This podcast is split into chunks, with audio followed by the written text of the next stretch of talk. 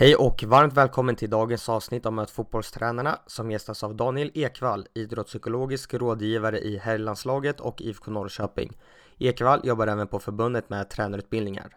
Vi pratar om när intresse för psykologi väcktes, vad fotbollspsykologi handlar om, hans roll i IFK Norrköping, på vilket sätt individuella och gruppsamtal ser ut, hur man kan skapa ett gott klimat. Vi samtalar också om uppdragen med landslaget och hur deras upplägg ser ut hur de jobbade inför och under VM i Ryssland 2018. Vi lyfter också upp psykisk ohälsa, om hur man kan upptäcka och hjälpa sina spelare och mycket, mycket annat. Prenumerera gärna på podden och följ på Instagram, Twitter och Facebook.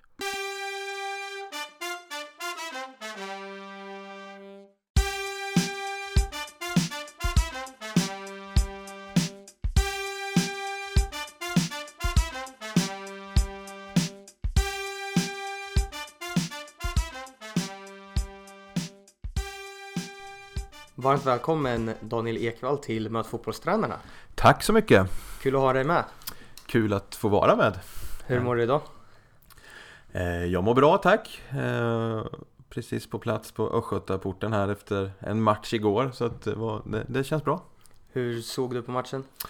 Eh, ja, jag var här och, och följde matchen och såg matchen. Jag kollar ju lite grann med kanske fotbollspsykologiska glasögon sådär på matcherna men eh, ja, nej men det var en bra match. Hur kollar du då på matchen? Nej, dels kanske vi har överenskommelser i laget hur vi ska göra varandra bättre på plan rent med beteenden och aktioner sådär som man kan följa upp. Ehm, också våra teman kring det här med nästa aktion om jag till exempel missar en passning eller sådär hur reagerar jag snabbt och, och så. så att, Eh, mest sådana faktorer som, som jag tittar på. Och sen ju fler år man jobbar med det här och pratar fotboll med tränare så börjar man ju förstå lite mer taktik och matchplan och sånt också. Intressant att kolla om, om grabbarna gör det som de har pratat om inför match och sådär. Så det är kul. Brukar du både med Norrköping och landslaget sitta på bänken någon gång? Och hur skiljer det sig från att sitta på läktaren då? Eh, nej, jag brukar faktiskt alltid sitta på läktaren en bit upp för att ja, för att se lite mer och så. Så att eh, ingen match på bänken. Jag tycker det, det är ganska bra att kunna få lite överblick eh, över hela planen och så. Vi kör igång med faktarutan. Ja. Ålder? 40 år faktiskt. Mm. När fyllde du det? Ja, i, i eh, februari fyllde jag år. Så att, eh, men jag försöker fira lite då och då hela året här. Det är ändå en stor siffra. Gratta i efterskott. tack. Slog tack. du till med någon stor fest då? Eh, nej, det var ganska lugnt med familjen där i Stockholm och lite grejer. Eh, sen har det varit lite med släkt och sådär. Så att det, ja, det är lite festligheter då och då under året. Familj? Eh, ja, eh, fru eh, blev det faktiskt i sommar också. Grattis i efterskott eh, Ja, tack.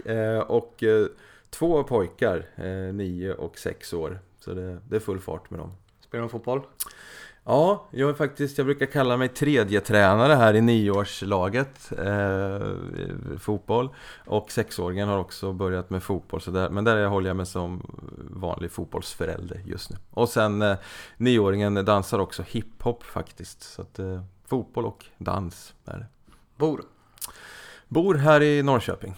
Bästa spelaren du har tränat och jobbat med? Eh, oj, eh, svår eh, fråga. Ja, det är klart, det måste väl vara... Ja, svårt att välja en spelare. Det är ju spelare i landslaget måste det vara, eller i Norrköping här. Så det är nog svårt att välja en. Det är många som är bra. Favoritlag?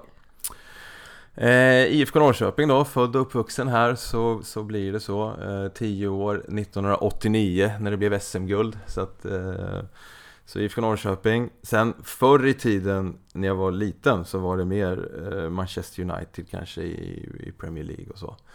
Eh, och så ska jag välja något annat lag så är det väl Manchester United också. Hur är det att jobba i laget som du har hejat på sen barnsben? Ja, men det ger bara lite extra motivation tycker jag och energi till den arbetsuppgiften att ja, genuint känna att man vill hjälpa laget på något sätt. Så det, det är bara kul. Förebild?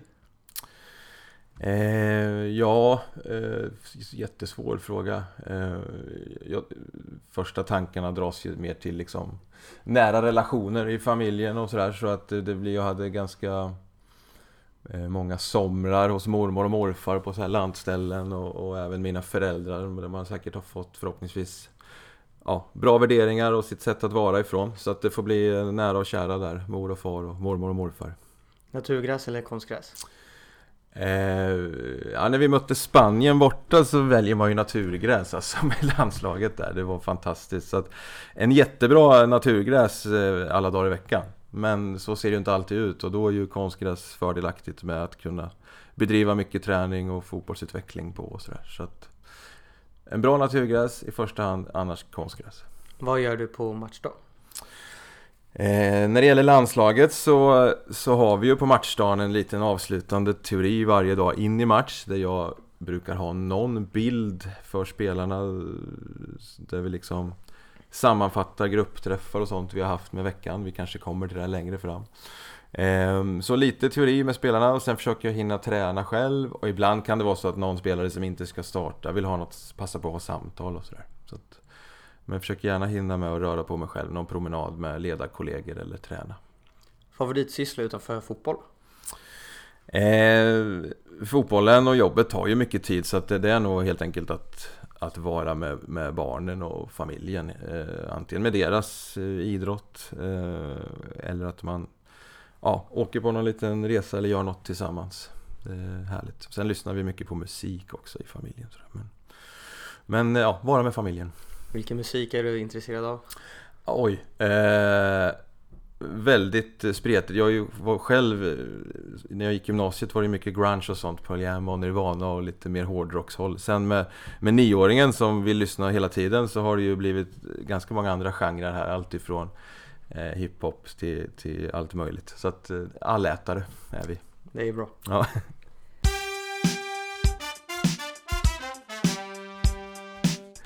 Berätta lite om din bakgrund inom fotboll. Har du spelat själv och sådär?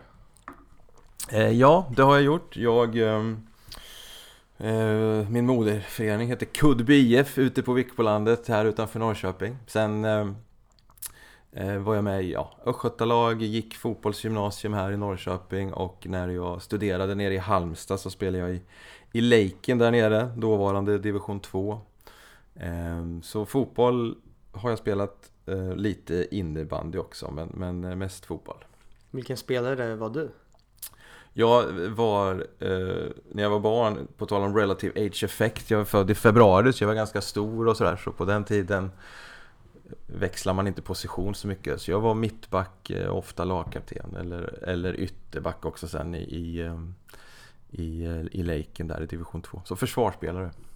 När började du att intressera dig för idrottspsykologi? Eller psykologi allmänt? Eh, nej men det var nog under tiden här på fotbollsgymnasiet när man började reflektera mer och mer kring att vissa spelare var väldigt motiverade här när det var morgonträning och vissa var inte det, väldigt trötta och, eh, och vi hade även då på den tiden då lite teoriinslag kring idrottspsykologi här när vi, när vi pluggade fotbollsgymnasiet så att då Ja, helt enkelt funderade kring varför går det bättre i vissa perioder här kopplat till självförtroende och ibland går det tungt och så de åren blev det nog eh, lite intresse. Sen sökte jag i och för sig både så här idrottsvetenskapligt och sjukgymnast eh, när jag skulle plugga på högskola. Men det slutade med, med idrottsvetenskap och sen inriktning psykologi där under åren.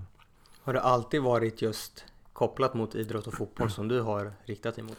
Ja, alla kurser där på högskolan handlade om psykologi så vi hade vissa kurser ihop med de som läste allmän psykologi men eh, många kurser också inriktat mot just idrott. Eh, så det har alltid varit prio ett.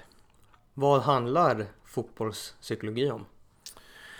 Eh, fotbollspsykologin handlar ju om Alltså det är både faktorer hos spelaren, alltså individen kring tankar och känslor och beteenden Men också laget och gruppen och gruppprocesser eller miljön sådär, alltså vilken kultur är i föreningen till exempel. Eh, Vi har ju nu försökt förenkla i fotbollförbundet genom att kategorisera in det vi gör i, i lite olika rubriker där vi pratar om att färdigheten att kunna göra nästa aktion så bra som möjligt. Det är ju en rubrik även om jag missar eller lagkamrat missar eller vi släpper in mål hur kan jag ha fokus på min nästa aktion i matchen? Eh, punkt två vi pratar om är ju hur kan jag hjälpa lagkamrater på plan både rent fotbollsmässigt med att göra mig spelbar och visa vägen så men också kring kommunikation och, och, och de bitarna. Eh, tredje rubriken vi pratar om är ju att hur kan jag få till en hållbar karriär och långsiktig utveckling? Handlar ju mer om spelarutveckling och, och det här med dåligt mående kanske och hantera livsstilsfaktorer. Eh, och fjärde eh, stora punkten handlar ju mer kring ledarskap och att skapa en, en utvecklande miljö på något sätt. Så, så nästa aktion, hjälpa lag, lagkamrater, hållbar karriär och eh, utvecklingsmiljö. Så kategoriserar vi det i, i förbundet just nu. Hur ser din vardag ut? Vilka jobbar du med? Eh, jag jobbar ju Eh, på Svenska Fotbollförbundet med tränarutbildning till stor del. Allt ifrån tränarutbildning C och det som rör ledarskap och psykologi eh, hela vägen upp till eh, Uefa Pro och det som rör ledarskap och pedagogik och psykologi där. Eh, så det är en stor del och sen är det ju just nu då herrlandslaget sen, sen Janne Andersson tog över. Och lite grann Norrköping här. Det har pendlat, jag började ju här 2009 tror jag. Så att vissa år har det varit lite mer tid och vissa år lite mindre. Och just nu är det lite mindre tid eftersom förbundsuppdragen tar mycket tid. Hur ser din roll ut då just nu i IFK? Eh, jag har eh, den här säsongen har, hade, har vi haft lite individuella samtal. Det har sett lite olika ut från år till år. Eh, vi har haft lite gruppträffar och ibland också lite information för, för hela laget när de har frukost och sådär. Så, ja, så samtal, gruppträffar eller lagträffar fast lite mindre tid i år som sagt än vad det brukar vara. Hur ser träffarna ut och hur ofta brukar ni göra det här? Eh, alltså innehållsmässigt så handlar det ju, om man ska förenkla, handlar det dels om om man tittar på träningsmiljön först och främst då, hur får vi till en utvecklande miljö via de beteenden vi gör? Alltså väldigt, vi försöker prata väldigt konkret. Vad, vad innebär det att komma hit varje dag Vill jag bli lite bättre varje dag? Vad behöver jag göra då och hur påverkar vi varandra i det? Eh, och också då kopplat till matchsituation. Hur vill vi agera mot varandra på plan för att, ja, men för att göra varandra bättre och få till laget på ett bra sätt. Så att både träningsmiljön, matchmiljön, men framförallt handlar det ju om uppföljning av de diskussionerna också. Att då och då stämma av. Hur går det? Gör vi rätt saker? Eh, vad kan vi göra ännu bättre? Eh, så att ja, lite ansvar för att också följa upp de frågorna. Hur ser en sån här träff ut? Eh, det kan vara antingen i, i samband med frukost, att, eh, att man har någon bild och sen involvera spelarna i att, att utvärdera till exempel hur har det gått senaste matcherna med det vi har kommit överens om. Eh, eller ibland kan det vara i lagdelar och man sitter som i en loge här där vi sitter nu och tittar på videoklipp från matchen och sådär. Hur, Eh, goda exempel. Eh, och ibland, vissa år har det varit gruppträffar utifrån ålder i laget. De äldsta har varit en grupp och sådär. Så, eh, det har varit lite olika hur vi har delat in grupperna. Så. Men ofta handlar det om kort kanske information från mig om någonting. Men väldigt gärna vill vi ju få igång spelarna att diskutera. Att utvärdera sina insatser och reflektera över dem. Hur kan vi göra saker bättre? Så att mycket mycket kan man säga processledning och ställa frågor till spelarna eh, mer än att ge färdiga svar. Så. så det är ganska mycket att man väver samman det som händer på fotbollsplan kopplat till psykologin? Ja absolut, det har ju verkligen blivit så senaste åren att eh, att man tittar till exempel tack vare det här med fotbollsaktionen, alltså att spelförståelse, teknik och fys och psykologi samverkar i varje aktion så så har ju spelarna förstått att varje moment, varje passning, varje duell eh, så är psykologi en bit som avgör hur, hur väl man utför aktionen. Eh, och återigen hur, hur, hur vi påverkar varandra på plan med vårt sätt att agera. Så att till, till 90% handlar det ju idag om vad gör vi på plan och hur kan vi få in det här på träning för att det är klart att det är bra om spelarna här i Norrköping efter träningen ensamma kan driva fram boll och skjuta i krysset. Det är ju bra, men om de inte klarar av det när de blir jagade av motståndare på plan eller man känner stress eller att man ligger under så spelar det ju inte så jättestor roll. Så man vill ju få in lite ja, den typen av grejer på träning men framförallt följa upp i match också. Får jag ut, gör jag det som jag vet att jag kan göra när jag spelar med självförtroende? Gör jag det som ingår i min roll? Ehm, så att väldigt mycket av det fotbollspsykologiska arbetet sker ju på plan under träning och match. Sen kan man ju behöva bryta ut någon och prata om en period av, av dåligt självförtroende eller en, en stundande karriärövergång. Vilka utmaningar kan komma nu när du ska börja träna med seniorlaget. Så att det är ju samma som, som fotbollsfys nu för tiden, att man vill ju hantera matchens krav utifrån fys och återhämta sig men sen kan man ju behöva bryta ut någon och, och löpa lite längre eller jobba med bålstabilitet eller sådär. Men förr eller senare handlar det ju om att få till bättre aktioner under match och fler aktioner under match. Eh, och utifrån psykologi då kan det ju vara att jag att jag inte gömmer mig för passning för att jag har råkat missa några eller att jag springer och tänker på, på eh, en missad målchans eller utan snabbt till nästa aktion och färdigheten att kunna göra många aktioner. Hur ofta har du individuella samtal i Norrköping? Eh, det har också varit lite olika från år till år. Vissa säsonger har det varit enbart upp till spelarna att ja, men nu känner jag att det är läge, nu skulle jag behöva prata om det här. Eh, vissa säsonger har vi bestämt i förväg att ja, men i år ska vi alla ha två eller tre eh, samtal. Ofta kanske kopplat till någon form av målsättningstänk. Vi har ju inte, inte egentligen pratat så om konkreta mål utan vi har pratat mer om ja, men vilken typ av spelare vill jag vara, vilka aktioner vill jag göra på plan för att vara den typen av spelare. Eh, och sen att helst då få det lite öppet så att i omklädningsrummet att man kan ha en lapp att ja, men jag vill vara en ledartyp på plan eller jag vill vara en som, som jobbar hårt. Eh, och då behöver jag ställa om direkt när jag har tappat boll eller jag behöver prata mycket på plan. Så att ganska öppet mellan spelarna helst. Det får man ju välja själv men kan man nå dit så tror jag att det är bra. Eh, och återigen då det här med uppföljning så att man inte bara pratar om någonting och sätter upp en lapp utan att man gör det levande på träning och match och gärna kan följa upp på video och sådär. Så, att, ehm, så i år har vi haft eh, två samtal per spelare hittills i alla fall. Ska väl ha någon utvärdering också efter säsong och så. Hur ser ett sånt här samtal ut? Eh, som vårat nu ungefär. nej, men, eh, nej men alltså i, ibland som jag sa kan det ju vara förberett och då har jag kanske en mall med färdiga frågor som man vill att alla spelare ska svara på. Eh, ibland är det ju mer att en spelare känner att den vill, vill berätta någonting och då får man ta det därifrån. Så att eh, det ser, ser, olika ut beroende på syftet med samtalet. Eh, men sen är det ju ja, men generellt så att, att återigen att det blir lite mer coachande att, att ställa frågor och få spelaren att reflektera och så i grunden. Vilken metodik använder du av? Är det motiverande samtal? Eh, ja, men det är väl en princip i samtal som, eller mer ett generellt förhållningssätt som vi försöker få till. Alltså att eh, ställa mer öppna frågor och, och, och, reflektera i samtalet och så. Det, det hänger ju mycket ihop med liksom hela, hela tänket kring det här med självbestämmande motivation och att man vill att spelare ska vara delaktiga och känna lite kontroll över sin tillvaro.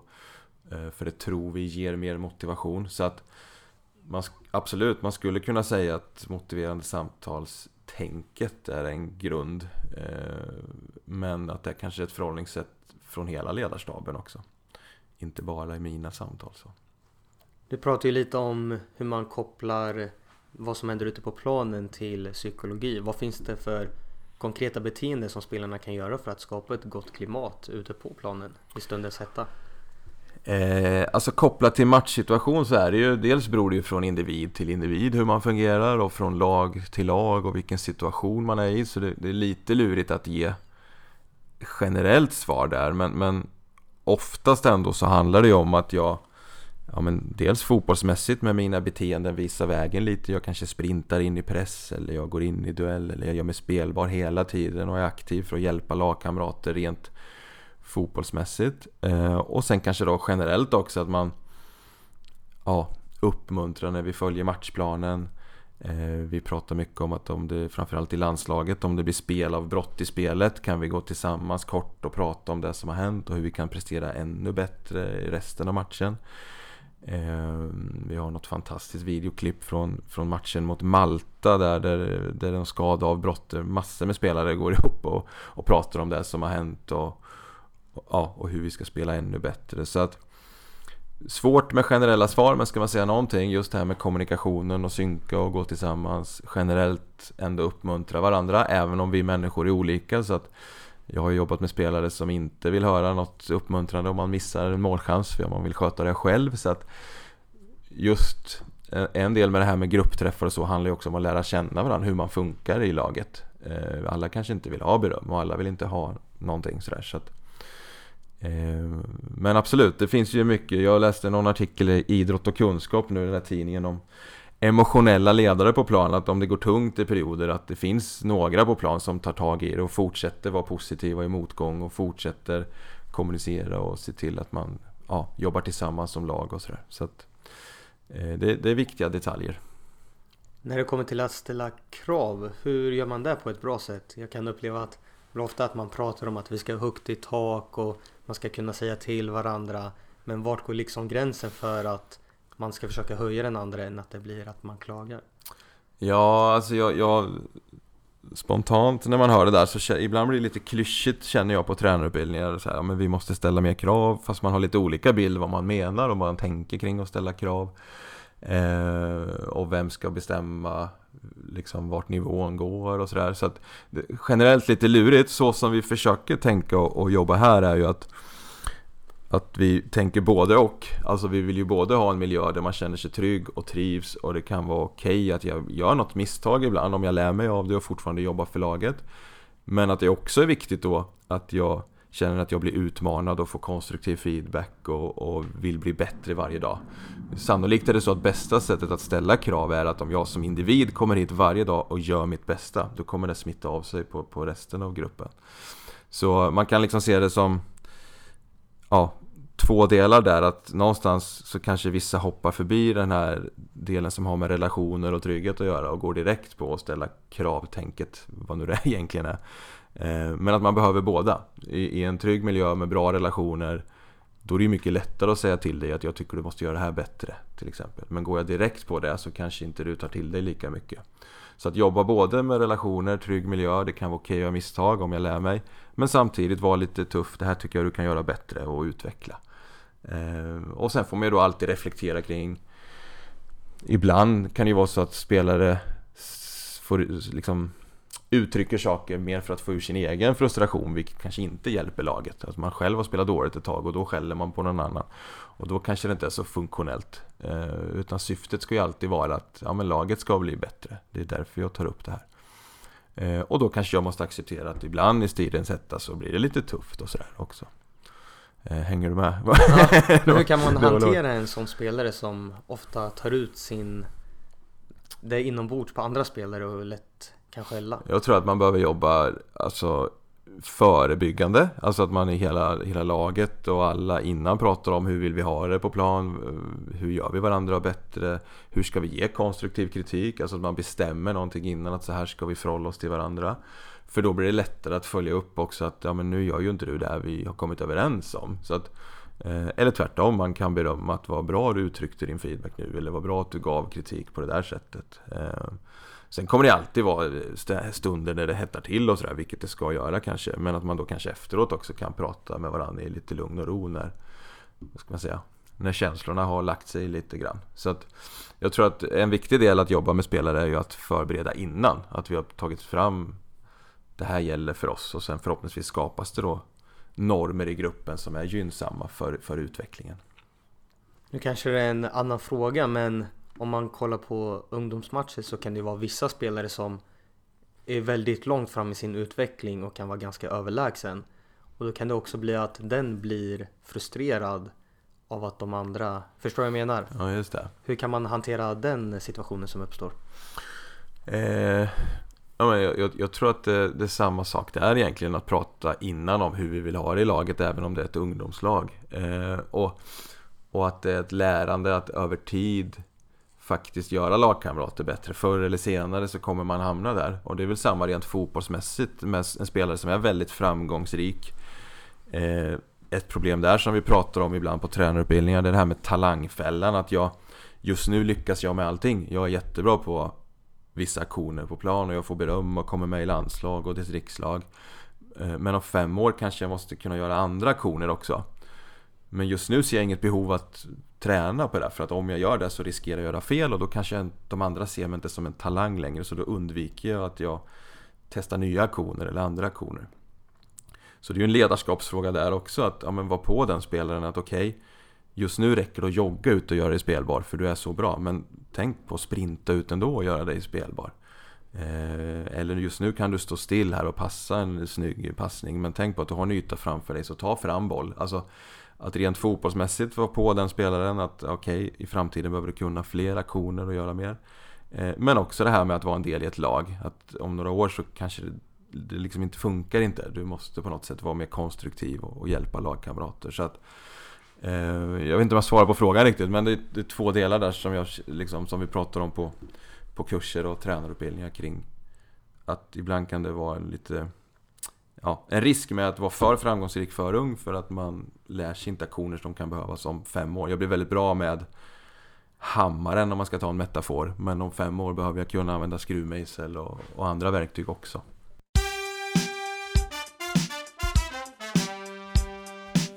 Du jobbar ju också i landslaget. Hur är det att jobba med spelare på absoluta elitnivå? Eh, jätteroligt självklart eh, och eh, spännande och, och lärorikt för mig själv. Eh, man får ju höra en del från liksom, deras miljöer och hur de jobbar och, och, ja, och se dem in action. Så det är jättekul. Sen är det ju lite skillnad från Norrköping eftersom det blir väldigt kortsiktigt tänk. Vi samlas kanske ofta på en måndag och sen är det match torsdag, fredag eller lördag. Eh, och de tillhör ju sina klubbar så att eh, vi är ju väldigt noggranna med från landslagets håll att vi vill ju inte klampa in och egentligen jobba för mycket individuellt utan vi vill ju få till ett lag som spelar bra matcher i, i landskamperna. Så. Skulle du säga att du använder dig av någon annan metodik eller är det? Eh, Nej, kanske inte annan metodik. Det är, liksom, det är samma ja, samma teoretiska utgångspunkter och fortfarande gruppträffar och så men, men framförallt är det ju ännu mer fokus på, på laget och gruppen och kommunikation och bli effektiv i den för att i ett klubblag, om vi tränar väldigt mycket tillsammans då kanske vi lär känna varandra ändå över tid. Jag vet vart du vill ha boll och jag vet vilka ytor du söker upp. Här kanske vi måste bli ännu bättre på att få spelarna att kommunicera med varandra både via gruppträffar eller på plan under träning och, och även under match för det, det är också ett få antal matcher under en landslagssäsong. Eh, och då kanske man inte kan vänta in att ja, men Janne säger något klokt i halvtid utan då måste vi få spelarna att, att dels kunna matchplanen så pass bra så de kan ge varandra feedback under matchens gång och, och kunna justera om det behövs. Så, så ännu mer fokus på laget, gruppen och kommunikation kanske än, än individuellt. Även om det också sker individuella samtal ibland för att spelarna vill ha det. Men det är inte så att vi tar samma initiativ där. Förra sommaren så spelade ni ju VM i Ryssland. Jobbade ni långsiktigt då? Eh, man kan säga att vi, vi, jobbade ju med principer redan ifrån VM-kvalet, både rent eh, taktiskt, anfall, försvar eh, men också då gruppen, hur vi ska vara mot varandra både på och utanför plan. Och de principerna just, var ju samma som följde med in i VM. Så, så på ett sätt jobbar vi ju långsiktigt från kvalet eh, med samma grejer in i VM. Eh, men det vi gjorde som var lite annorlunda, det var ju redan att marssamlingen hade jag eh, och Paul Ball som individuella samtal med spelarna där vi tog fram en plan för varje enskild spelare kring hur de skulle komma förberedda till VM. Alltså vi, vi tänkte att ja, VM börjar nu, även fast det bara är mars. Så mycket kring både liksom fys och kost och träning självklart för vi hade ju spelare som kanske inte spelar så jättemycket i sina klubblag. Eh, men också då för att dels kanske passa på att vara med sin familj och så här, må bra inför VM. Eh, och, och kanske bygga självförtroende i träningsmiljön om man inte byggde så, spela så mycket matcher och sådär. Så att så varje spelare hade en plan så när det väl var dags för pre-camp så skulle man känna att man hade gjort allt så och komma förberedd och komma med självförtroende. Under själva mästerskapet, hur jobbar ni då med spelarna?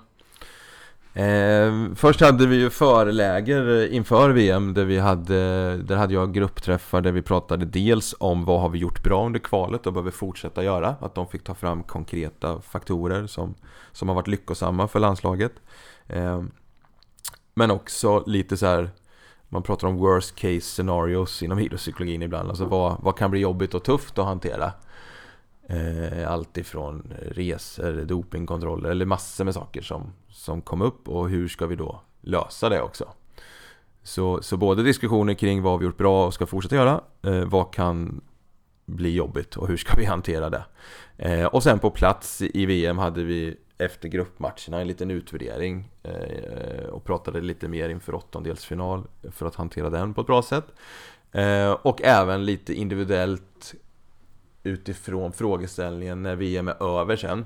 Hur vill du som spelare se tillbaka på VM och känna att du har gjort allting och vad har du bidragit med till gruppen? Så, att, eh, så samma där, både hela laget ibland, någon grupp och lite individuellt. Eh, rent individuellt, hur, hur ofta har du samtal under samlingarna med spelare?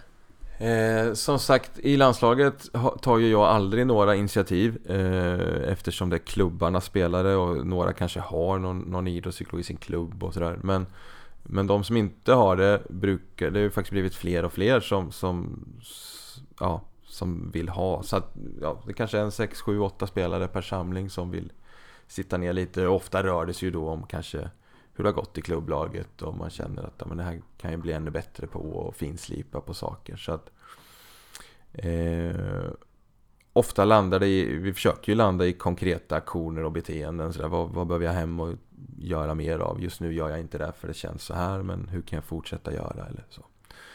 Eh, så ja, lite individuella samtal, inte så många som här i Norrköping, men, men lite. Har du även haft individuella samtal med ledare i Norrköping eller landslaget? För de har ju också en väldigt stor press på sig.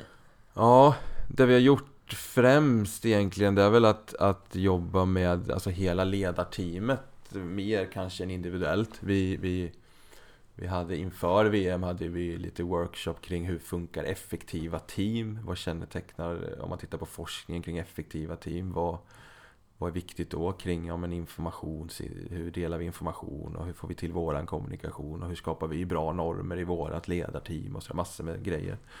Eh, men återigen, tratta ner det till, till jäkligt enkla saker. Alltså att jag i ledarnas WhatsApp-grupp skriver Ska vi ta en promenad idag? Alltså sådana saker som ändå bidrar till det, till det teamet då. För, för ofta är det väl så att man sätts ihop i team och man vet vad man ska göra men man kanske lägger inte så mycket tid på hur vi ska göra det. Så att det där huret eh, jobbade vi mycket med inför VM också.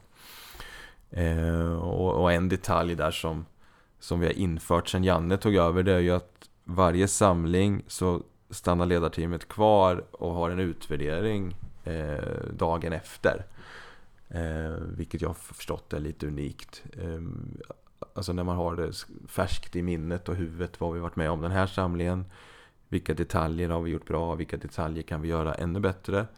Så är ju vår tanke att man kanske nästa samling kan börja på en liten, liten högre nivå hela tiden. Ständigt så blir lite, lite bättre. Ehm, så, så mer kanske att vi har jobbat liksom med hela ledarteamet med, med gruppprocesser och även här i Norrköping att jag sitter med hela ledarteamet ibland och vi har utvärderingar kring när vi äter lunch ihop, hur har det gått senaste perioden och så. Mer det tänket än, än individuellt stöttning faktiskt. Om vi hoppar tillbaks lite till VM igen, pratar ni någonting med spelarna inför hur man kan hantera kritik i media och så vidare? Eh, ja, kanske inte så specifikt än, men det kom väl upp här när man pratade vad som kan bli jobbigt att hantera. Så, så, så kom det kanske upp eh, ja, men andras åsikter, både kanske media, sociala medier och sådär.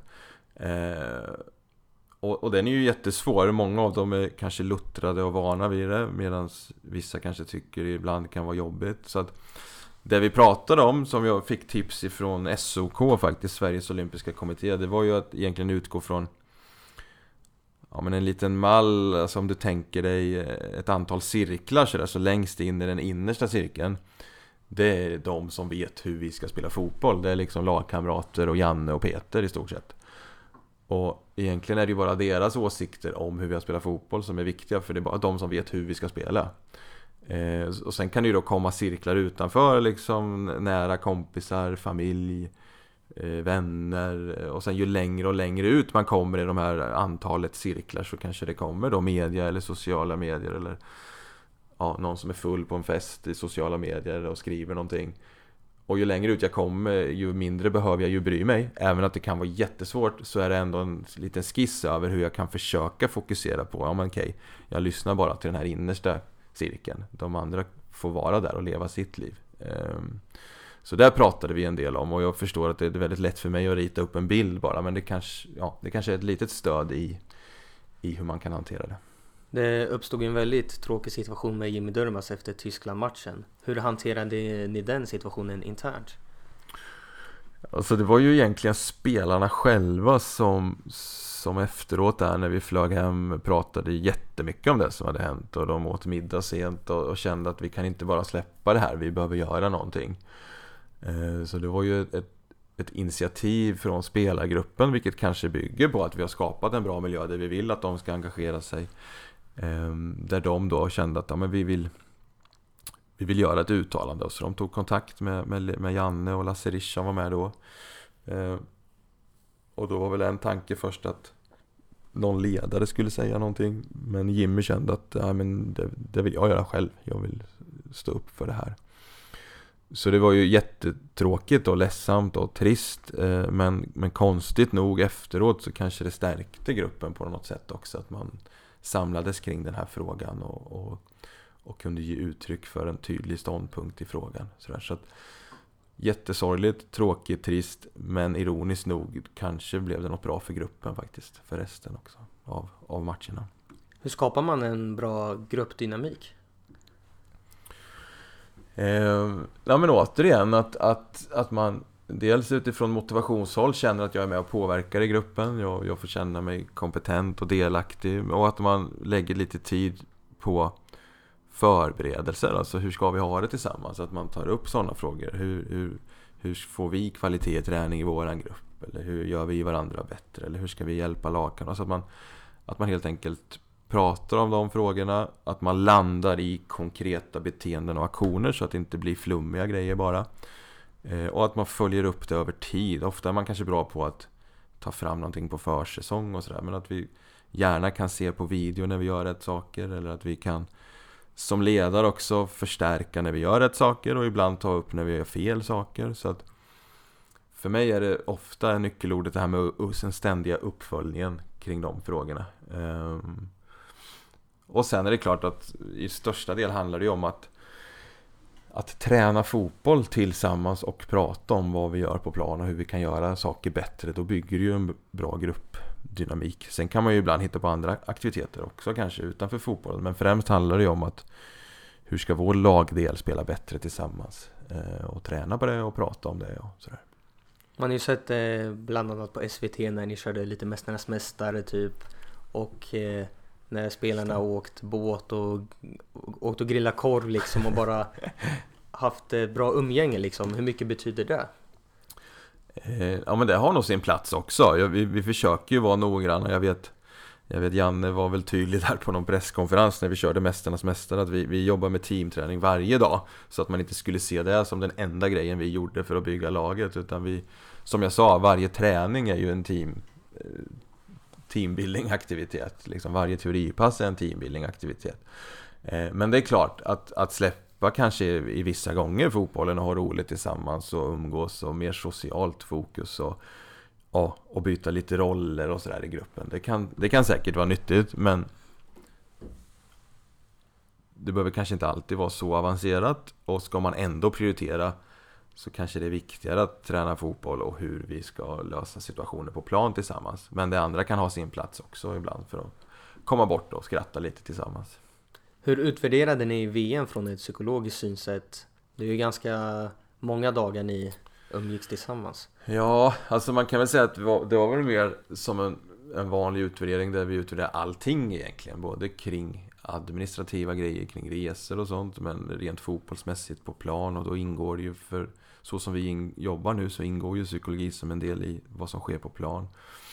Eh, det som skilde kanske från en vanlig samling det var väl att vi pratade mer om alltså återhämtning, både fysisk och mental återhämtning. Det finns ju inte så jättemycket forskning kring den mentala återhämtningen men, men eftersom hjärnan hela tiden är med och tar beslut och, och det är resor och det är tryck och press och många matcher och sådär så, så så är det ju oerhört viktigt att ta det i beaktande. Hur, hur får vi till den mentala återhämtningen? Så det har vi väl pratat en del om, om det skulle förhoppningsvis bli fler mästerskap. Nu nu tycker vi väl att det gick ganska bra men det är väldigt individuellt det där. Några, några vill ta en promenad och lyssna på musik och några vill spela kort. Och, alltså, det är ju så olika men att vad kan man göra som ändå gör att man, man får tillbaka lite energi utifrån mentala faktorer också. Det är som sagt lite forskning på det men sannolikt nyttigt att resonera kring också och inte bara tänka fys där. Vi har haft ett par samlingar nu sedan VM. Hur lätt är det att man är kvar i den här bubblan kanske som sprack när man åkte ut mot England?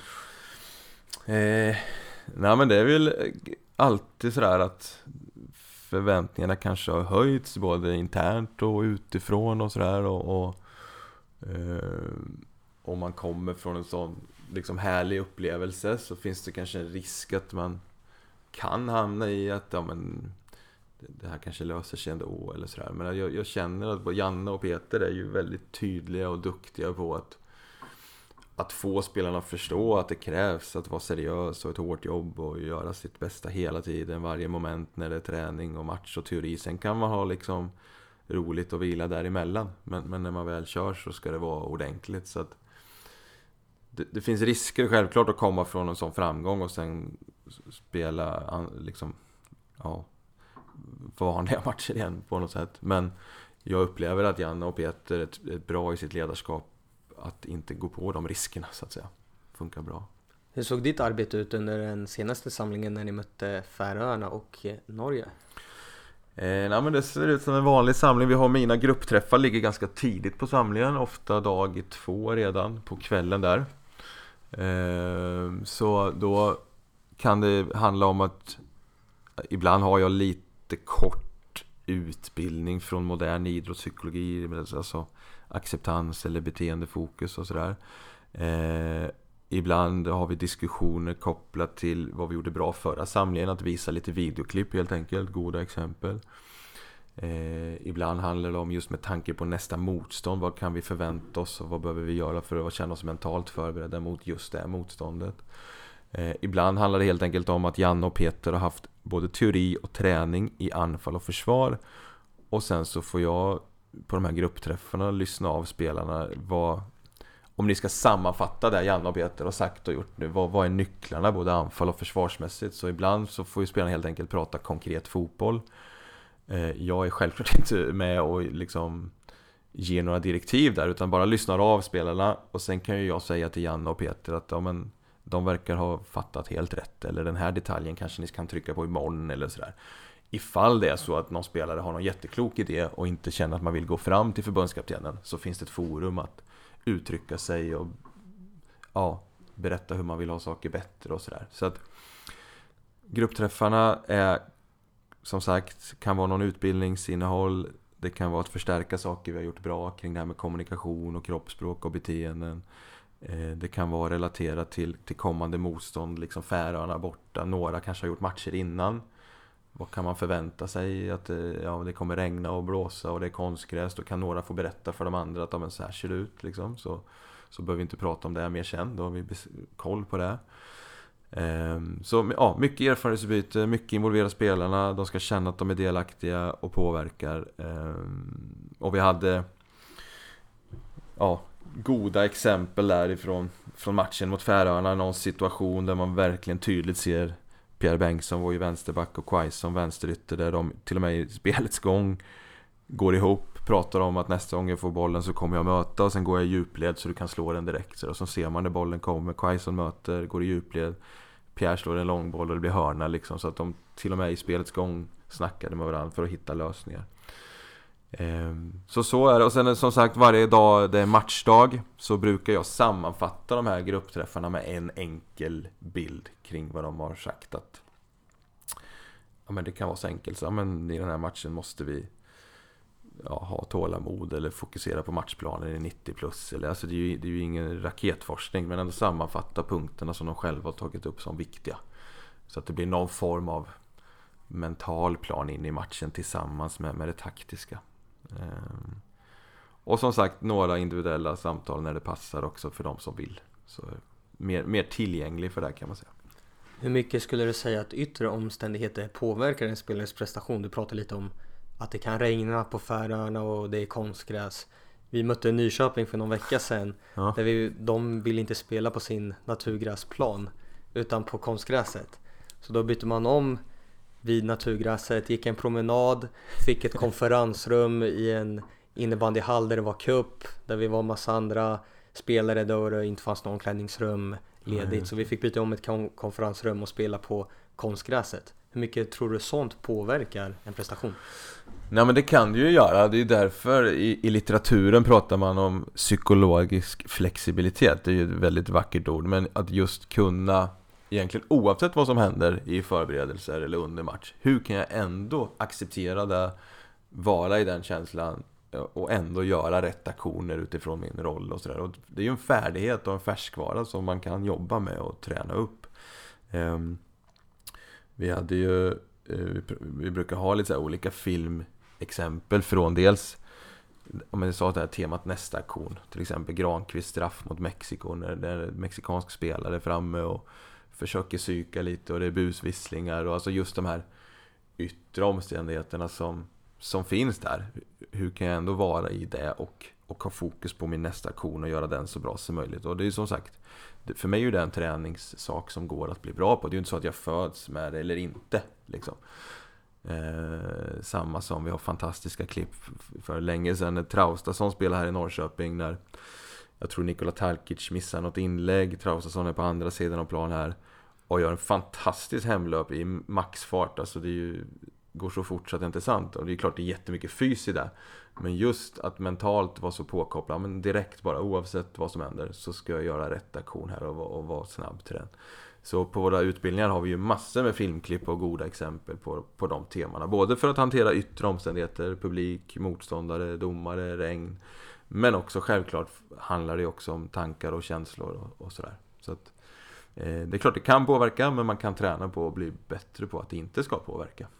Och just eh, det här exemplet, är det då att ni kanske visar upp det här klippet för spelarna på dagen efter match och visar att så här gjorde han när ni tappar boll och det här vill, beteendet vill vi ha mer av? Absolut, det är ju eh, helt så vi jobbar och även med landslaget att, att jag kan liksom visa klipp nästkommande samling eh, när vi gör rätt saker. Som sagt, vi hade också, tror jag, ja, Malta hemma och det står 3-0 och det är slutminuter där, där Micke Lustig tar något jättehemjobb liksom och hinner hem och, och rädda någonting. Så att, Eh, sådana filmklipp letar vi efter och visar spelarna och även när vi filmklipp på när vi går tillsammans och pratar och, och, eh, och följer upp över tid. Att det blir en kultur eller en norm att i det här laget gör vi så här. Eller vi vi firar mål tillsammans när Isak rädd, eller, räddar mål menar jag. Så firar vi det också. Eller mittbackar blockar skott eller vad det nu kan vara. Att man bygger in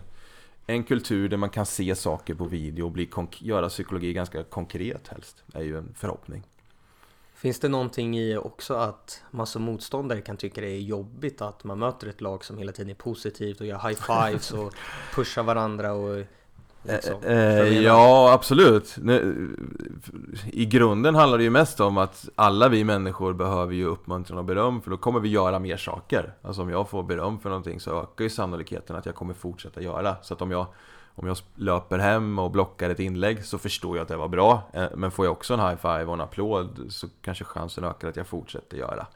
Eh, och vi bygger säkert sammanhållning via våra beteenden. Om vi beter oss schysst mot varandra så kommer jag få bra känslor och tankar kring det här laget. Alltså också.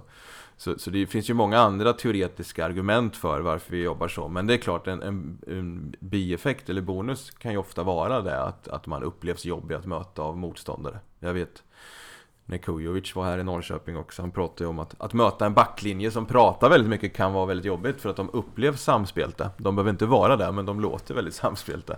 Så att det är klart att det, det, det kan vara en del i det också, att, att påverka motståndarna.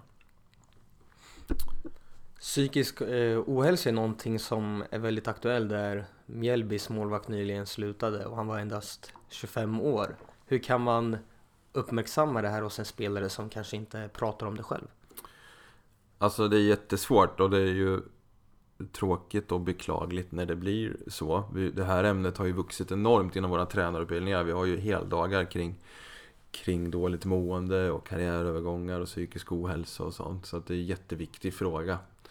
Eh, och att se det är ju lurigt för att ofta när man kanske mår dåligt så blir man ganska skicklig på att dölja det också.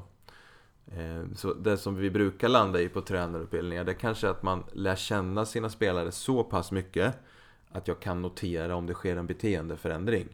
Om jag vet att du brukar prata mycket men nu är du tyst. Då kanske jag kan fiska lite mer efter hur du mår eller vad, vad, vad som händer. Sådär.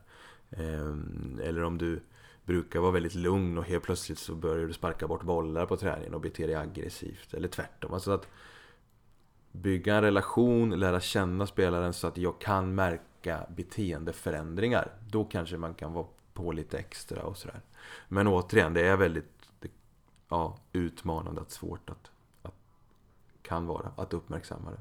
Hur kan man gå tillväga om man har en spelare i laget som säger att den mår dåligt?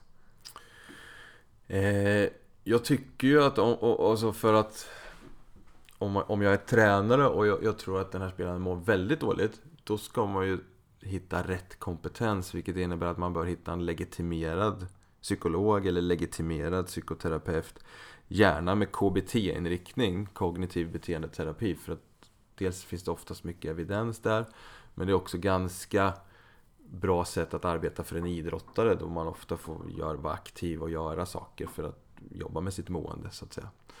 Eh, så att, men känner man att det är något mellanläge, vilket kan vara svårt att veta liksom, hur dåligt mår den här personen. Men att då handlar det väldigt mycket om att vara en människa, att lyssna, att normalisera vissa perioder av dåligt mående är ju väldigt normalt också. Det kanske är så att det har gått lite tungt i fotbollen och någon i släkten kanske är sjuk och sådär. Men förhoppningsvis kommer det gå över. Så att en del är ju också att normalisera att det kan vara okej okay att må dåligt.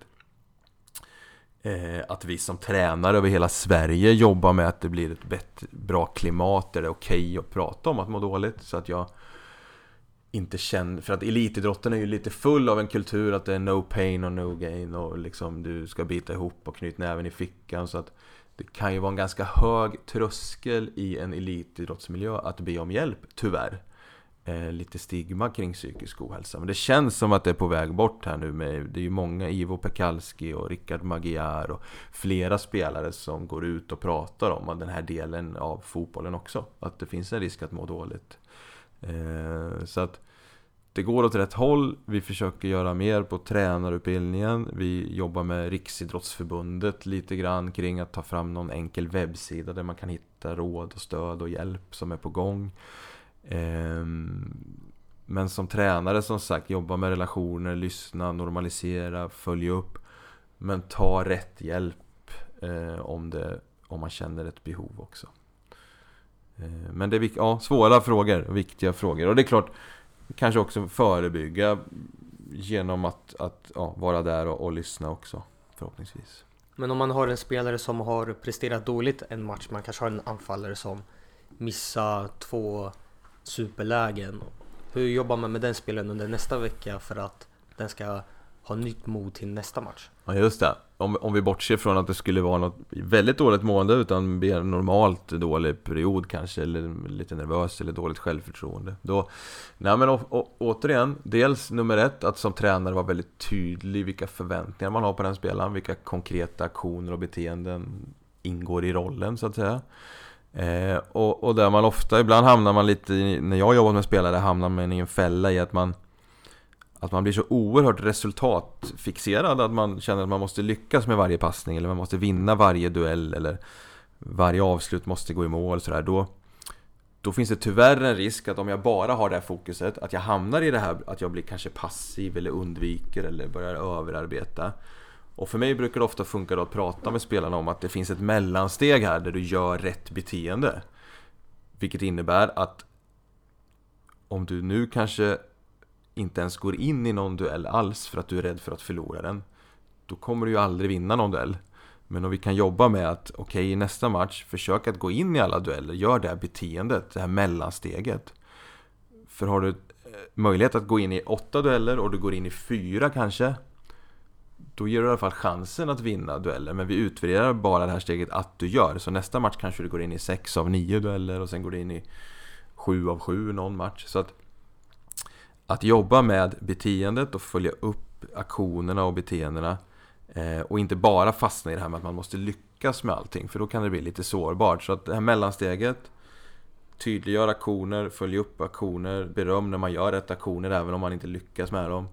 Eh, det brukar man komma ganska långt med och också då att när man gör de sakerna så ger man sig chansen att bygga självförtroende igen. Ehm, och utmaningen blir ju då att normalisera att just nu så kanske du tänker lite negativt eller det känns lite jobbigt men försök att göra ändå. Vilket är svårt men tankarna och känslorna säger passa bakåt men jag vill att du ska ta bollen framåt och vi följer upp om du tar bollen framåt. Typ. Så att, ja, på det sättet skulle jag nog eh, välja att jobba med en sån spelare, ungefär. Sen är det olika från spelare till spelare och, och sådär, men några generella tips. Du pratade lite om förut att så här, ha lappar och man kan läsa text och så vidare. Är affirmationer någonting som man kan säga till en spelare att jobba med där man kanske läser så här Jag vågar, jag törs, jag ska gå in i duellerna och så vidare.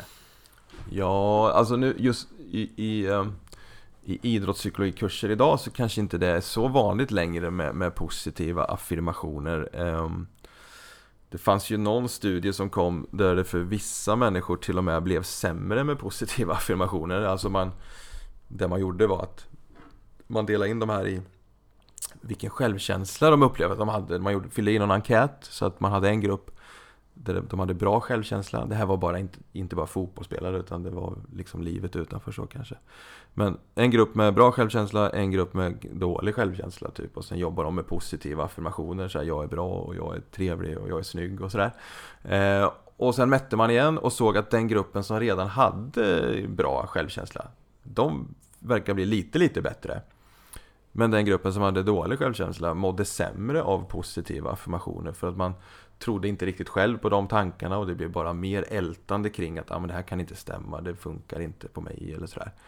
Eh, och lite andra argument till att det inte funkade. Så att därför så pratar man kanske mer idag om att acceptera och att det är normalt att ibland kanske tänka lite negativt och att tveka lite och att tvivla. Men hur kan jag tillsammans med de tankarna och känslorna ändå gå ut och spela med självförtroende och göra mitt bästa?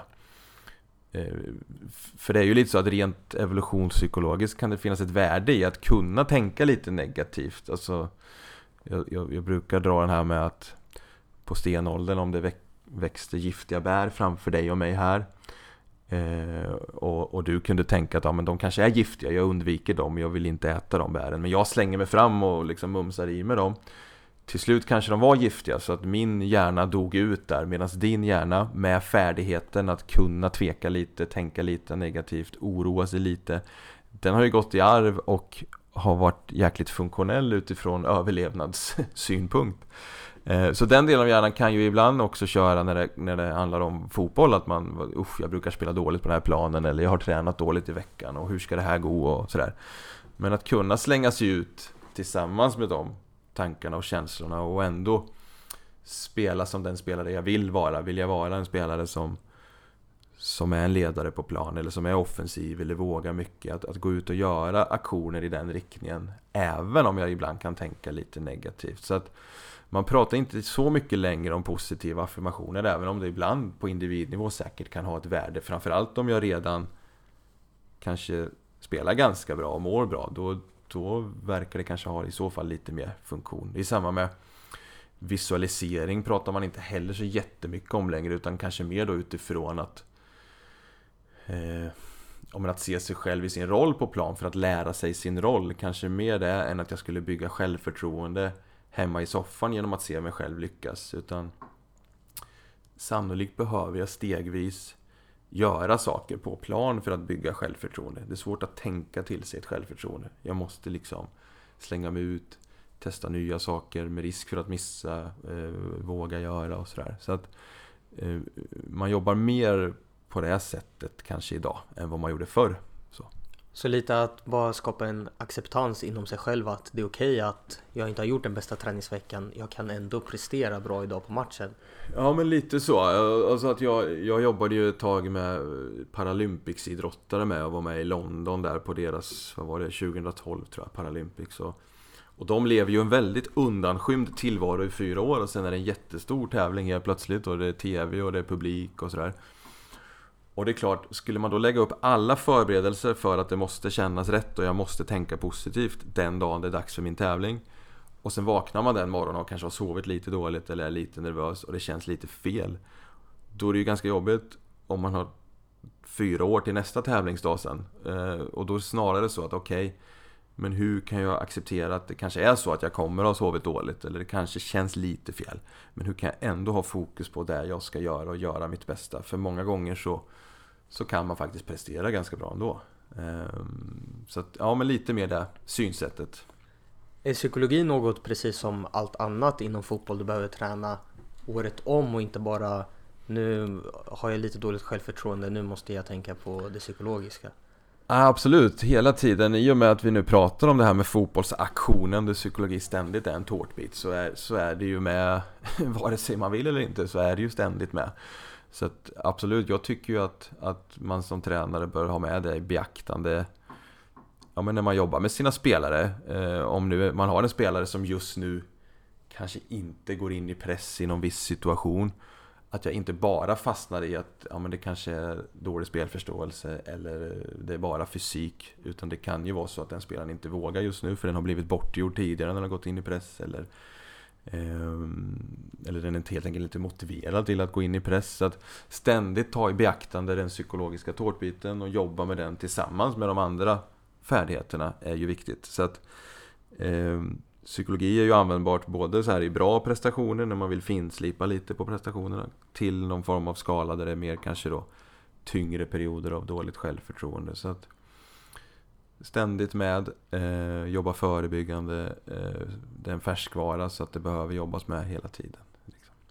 Hur ser det ut runt i världen med idrottspsykologiska rådgivare i fotbollsklubbar? Är det vanligt?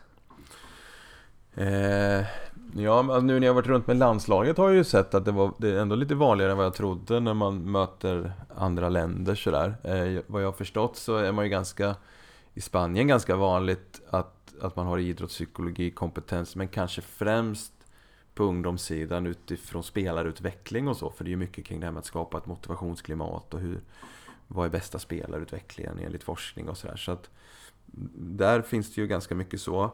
Ehm, sen tror jag att det också beror lite på eh, att man som tränare har hittat någon man trivs med, sen tar man med sig den till nästa klubb och sådär som det kan vara vanligt ibland.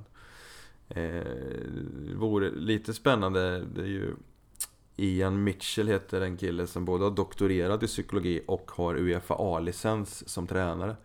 Eh, han jobbade med Wales EM där när de gick till semifinal och sen nu jobbar han med England. Eh, så att just det här med att ha en fotbollstränarutbildning också. Det känns lite som om tio år så, så kommer det nog vara lite mer åt det precis som det här med fys nu, att man, man är nästan mer assisterande tränare med ansvar för fys.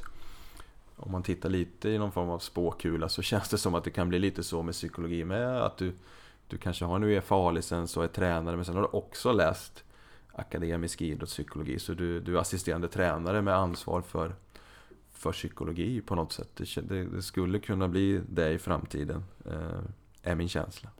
Så lite att de, den rollen som du har idag, att det kommer bli ännu vanligare i framtiden? Ja, det tror jag. Men, men återigen då att det blir ännu mer fotbollssnack. Så att, att, att du är kunnig inom både fotboll och psykologi. Eh, så att du kan översätta psykologiska teorier och modeller i ert arbetssätt och hur ni vill spela fotboll och hur ni vill bygga ert lag och sådär. Det känns som att det går åt det hållet lite. Jag har tagit med tre stycken lyssnarfrågor jag har fått på sociala medier. Hur eh, förhåller du dig gentemot andra experter kring laget? Vart liksom går gränsen kring din roll som idrottspsykologisk rådgivare? Eh, jag, jag, förmodar att det handlar om samarbete med, med andra. Eh, jag, alltså, I landslaget är det lite lurigt för det är ju, det är ju ett medicinskt team som jobbar tätt ihop. Det är vad vi ska kalla ett fotbollsteam som jobbar tätt ihop. Och, eh, och ett administrativt team. Och, och, min roll är ju lite med alla de tre grupperna. Så på något sätt så, så ja, så är man med och kommunicerar i alla de tre. Det som är, det som är svårast tycker jag, det är ju att enligt forskning vet man att det är bra med en öppen kommunikation mellan ledare, att man delar med sig av information så om spelare till exempel. Men samtidigt är det ju extremt viktigt med, med sekretess och etik och tystnadsplikt. Både som läkare och i min roll och sådär när man jobbar med spelare. Så det, det, det är en balansgång kring att kunna dela med sig med, med information och förhålla sig till etik och tystnadsplikt som man ständigt behöver påminna sig om, tycker jag. Ehm, här är det lite lättare i Norrköping när man inte är så, så många utan det blir mer, ja, på något sätt naturligt samarbete och diskussioner där tycker jag. Varför kallas du uppviglaren? Vem har ställt den frågan? Ja, det är Lasse Jakobsson, eran scout på fotbollsförbundet. Ja, skräll. Jag vet inte vad som har hänt där. Det är ju, det är ju ledarteamet i landslaget där jag har fått Dels fick jag ju namnet Psycho ganska tidigt av Peter Wettergren eh, Och sen då Uppviglaren. Jag vet inte riktigt. Jag, det är ju, de tycker väl att jag ibland ställer frågor eller säger saker som gör att man taggar igång de andra kring någon diskussion eller sådär så man får igång folk lite eller att man Vi har ju en klassiker det är ju att eh, Janne gillar ju att äta mat sådär. Och eh, då nu är ju inte jag ensam om det här utan även mina andra ledarkollegor. Men det kan ju vara så att det serveras tre eller fyra maträtter till lunch för att spelarna ska kunna välja.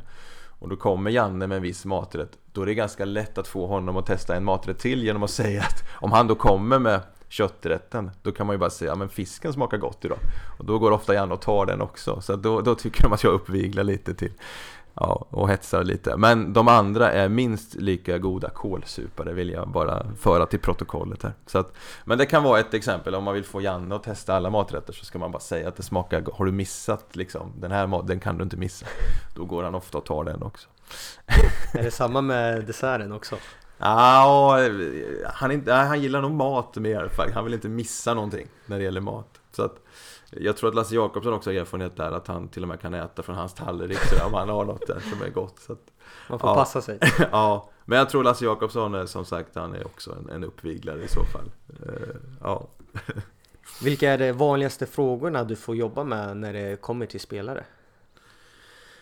Eh, Ja men ofta kanske det handlar om dels en, en, en, en period av lite sämre prestationer på plan helt enkelt. Det är väl det klassiska. Men, men sen kan det ju också då handla om eh, livet utanför och karriärövergångar och, och, och livs, få ihop livspusslet och sådär och, och mer hjälpa till och ja, stötta i de processerna kring ja, hantera tuffa perioder eller planera för att till exempel ta steget från junior till senior. Vad behöver jag vara förberedd på och sådär. Så, att, så ofta en nedgång i, i prestation eller en karriärövergång är väl de vanligaste frågorna som, som ändå... Eller nervositet kan det ju vara också. Hur viktigt är det just att också prata om det som händer utanför planen och eh, privatliv? Eh, ja men det är klart att det är viktigt också. Jag, jag, jag, tror det var Kalle Barling, en gammal förbundskapten här på förbundet som sa att han, han jobbar med människor som också råkar spela fotboll. Och det, det, handlar ju självklart mycket om det, att hur, hur kan vi stötta och prata om livet i övrigt så att, så att människan mår bra för att då sannolikt kommer den spela bättre fotboll. Så att det, det är absolut en viktig del också. Vilken tränare skulle du vilja lyssna på i podden? Oj, Uh, Guardiola, löser du det? Han kan bli tufft. Ja, Peter Wettergren då kanske? Jag tycker han är härlig både ledarskapsmässigt men också kunnig i fotboll. Och sen om du löser han Ian Mitchell då kanske, Englands idrottspsykolog, eh, vore spännande att lyssna till. Kanske du kan dra i några trådar? ja, jag får göra det. Jag får hjälpa dig med det i så fall. Alltså Guardiola, Wettergren och Ian Mitchell. Då blir Wettergren glad att höra att han hamnar i det sällskapet. Det är en stark trio. Ja, verkligen. Stort tack Daniel att du tog dig tid. Tack för att jag fick vara med. Tack.